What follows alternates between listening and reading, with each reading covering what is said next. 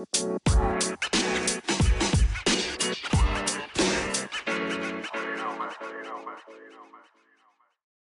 hey, super tof dat je luistert naar een nieuwe aflevering van de Positief met Pubers podcast. Mijn naam is Janneke en dagelijks beantwoord ik allerlei vragen via mail en DM van ouders die struggelen met dingen in de opvoeding van hun puber. Ik beantwoord deze vragen en in de podcast behandel ik elke aflevering een vraag met jou. Ik geef je mijn visie en ik neem je mee in mijn dagelijks leven. Mocht je dat nog niet gedaan hebben, abonneer je dan op deze podcast, zodat je geen aflevering meer mist. En als je deze podcast tof vindt, geef het dan zoveel mogelijk sterren of een positieve review.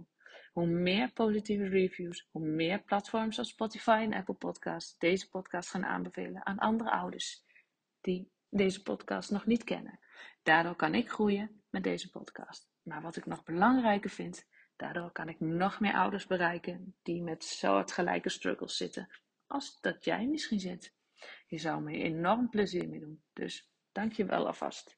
En nu gaan we gauw beginnen. Oh ja, super tof dat je weer luistert naar een nieuwe Positief met Pubers podcast. Vandaag wil ik heel graag een, uh, een, opvoeddilemma met je delen die ik uh, ontving van een, mijn contact bij de Telegraaf. En uh, daarbij mijn advies. Want ik denk dat dit een situatie is waar velen van ons mee te maken hebben. En misschien niet zozeer uh, een burn-out, maar wel uh, even niet lekker in je vel zitten. Of even over je eigen grenzen gaan. Of even een, een, een, piekbelasting qua stress of qua werk of wat dan ook. Als je daarmee te maken hebt, dan zul je je herkennen in, in deze casus, in dit dilemma. En hoop ik dat je wat hebt aan het advies wat ik je meegeef. Oké, Ik zal even een korte context geven.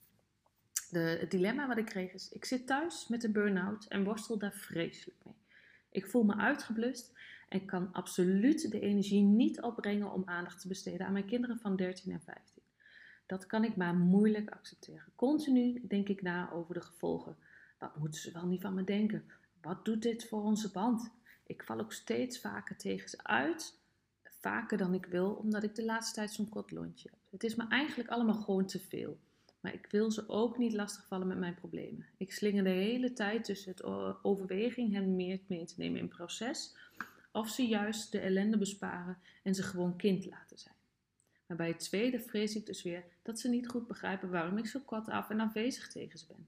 Help, ik weet echt even niet hoe ik me staande houd. Nou, dit is het dilemma wat ik kreeg en uh, nou, ik zal, uh, in het artikel lees je kort het advies. Ik zal nu het uitgebreide advies met je. Nou, wat ik heb meegegeven is het volgende. Het is begrijpelijk dat deze moeder zich zo voelt en worstelt met deze situatie. Een burn-out kan een enorme impact hebben op alle aspecten van je leven. Dus ook je, zeker ook je rol als ouder. Het is belangrijk om voor jezelf te zorgen en jezelf die tijd te geven om te herstellen. Maar het is ook begrijpelijk dat je je zorgen maakt over de effecten van je burn-out op je kinderen en jullie onderliggende band onderlinge band. Ik heb geen, ben geen burn-out coach, burn-out deskundige, ik ben geen psycholoog, dus op dat vlak kan ik geen advies geven. Maar mijn advies is vooral gericht op hoe je dan die band met je kinderen uh, sterk kan houden of in ieder geval in verbinding kan blijven met je kinderen. Dus daar is het cruciaal om te erkennen dat je een burn-out hebt en dat het niet jouw schuld is. Het is gewoon een, een, een, reactie van je lichaam, zo zie ik een burn-out, op je lichaam, een reactie van je lichaam en je geest op, op langdurige stress of een belasting die niet goed is geweest voor je lichaam. Dus het is eigenlijk een uitputtingsslag geweest. En je lichaam zegt nu stop, tot hier en niet verder. Wat, wat je kinderen betreft, daarin is communicatie heel erg belangrijk. Deze moeder gaf aan dat ze niet goed weet of ze haar kinderen daarin mee moet nemen of niet. Ik denk dat het belangrijk is en dat het oké is om hen te laten weten dat je niet helemaal jezelf voelt en dat je worstelt met een burn-out. Je kinderen voelen toch wel dat er iets speelt en, en ze gaan zoeken naar wat het dan is. En om te voorkomen dat ze gaan twijfelen aan zichzelf, is het belangrijk dat jij je een weg vindt en je kinderen erbij betrekt en weet dat je kinderen er ook voor jou zijn op het moment dat ze je nodig hebben. Dat is een wisselwerk en dat doen wij van nature. Dus als jij het belangrijk vindt dat je kinderen bij je komen op het moment dat er wat speelt, aan de ene kant, dus als met je kinderen wat aan de hand is, als ze niet lekker in hun vel zitten, als ze stress ervaren, dan wil je ook dat ze bij jou komen. Dan zal je het zelf ook moeten doen. En je hoeft ze echt niet de details te eh, vertellen, uiteraard niet. Maar het is wel nuttig om hen te laten weten dat het niet aan hen ligt en dat je je best doet om beter te worden. Want jij bent en blijft een voorbeeld voor je kinderen. En door jezelf kwetsbaar op te stellen, tot op zekere hoogte, voelen jouw kinderen zich ook, voelen ze dan een bepaalde verantwoordelijkheid. Ze voelen dan, oké, mijn moeder deelt dit met mij, dus dat betekent dat, dat ze mij serieus neemt. Want jij hoeft het niet alleen te doen. En kinderen, en ook jouw pubers, kunnen empathischer reageren dan dat we soms denken. En ze zullen waarschijnlijk begrijpen dat je door een moeilijke tijd gaat. Maar dan moet je het wel met ze delen. Wat je ook kan proberen is met je kinderen samen te gaan werken. Om, de taken wat meer te verdelen in het huishouden. Zodat ze een beetje kunnen helpen terwijl jij je focust op je herstel. Op die manier voelen ze zich nuttig, voelen ze zich belangrijk. Hebben ze het gevoel dat ze een steentje bij kunnen dragen. Zodat jij snel weer de ouder kunt worden. En op die manier begrijpen ze dat het voor jou op dit moment gewoon moeilijk is om alles alleen te moeten doen. Daarnaast, als je het dan hebt over de verbinding met je puber behouden en, en alles uh, voelt zwaar en je hebt geen puff om iets te doen met je kinderen. Het kan wel nuttig zijn om activiteiten samen te plannen, maar kies dan voor activiteiten die minder energie van je.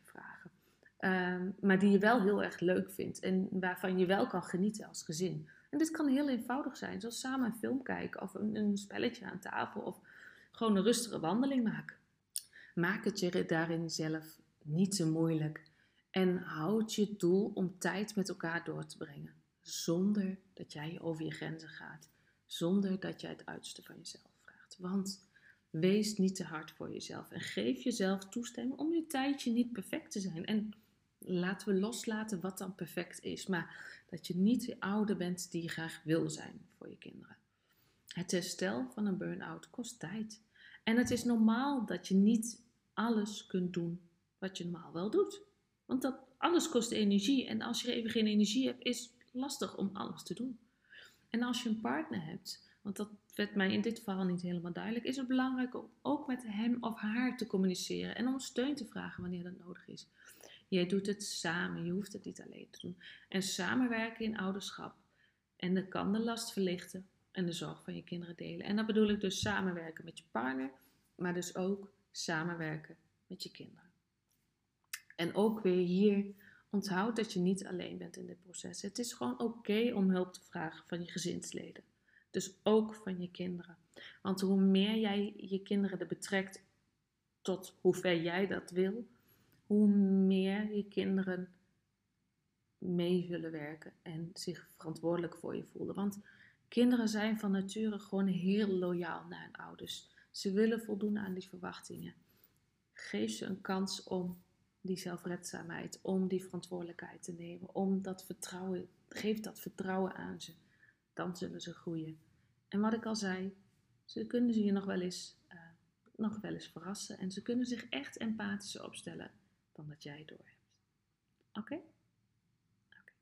Dat was hem voor vandaag. Ik hoop dat deze aflevering je weer inzicht heeft gegeven. Mocht je vragen hebben, mag je ze altijd stellen. Zoek me dan even op via Insta of uh, stuur me een mailtje. Wanneer je deze podcast waardevol vond, deel hem dan op je social media kanaal of iemand die daar wat aan heeft.